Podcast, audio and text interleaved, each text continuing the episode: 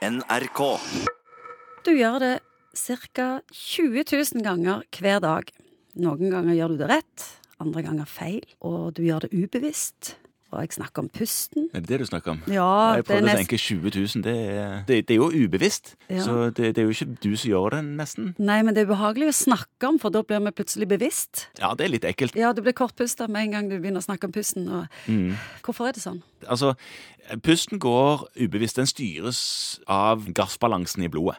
Det som pusten gjør, er jo å fjerne karbondioksid som kommer fra metabolismen din, og så skaffer det deg oksygen fra omverdenen. Når da karbondioksid stiger i eh, blodet, så puster du litt mer. Og når det synker, så slapper du av og puster roligere.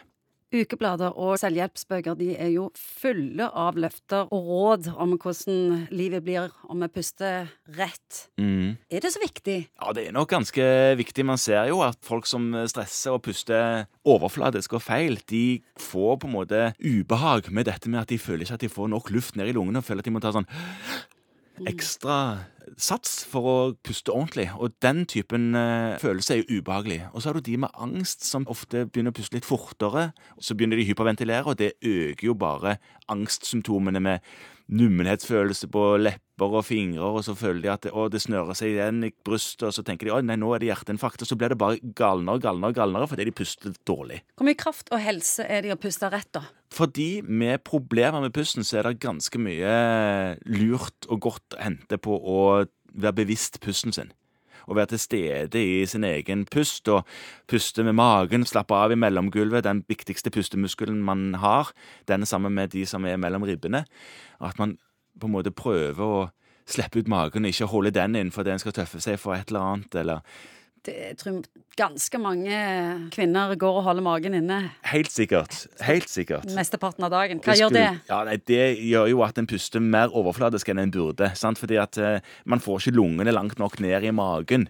Lungene har jo ingenting i magen å gjøre, men poenget er at de synker ned mot magen når man puster inn.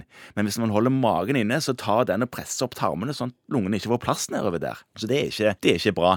Så puste med magen og slippe ut magen, og, og senke skuldrene. Noen sier jo at nei, jeg klarer ikke å senke skuldrene hvis ingen står på dem. Altså, men prøv å senke skuldrene. og Man puster ca. inn og ut, fem sekunder tar det. Da puster man tolv ganger gjennom ett minutt. Inn og ut. Så det er som du sier, man blir litt sånn felen av å tenke på det, for da tenker man oi, hvor mye var det, og nå burde man puste igjen.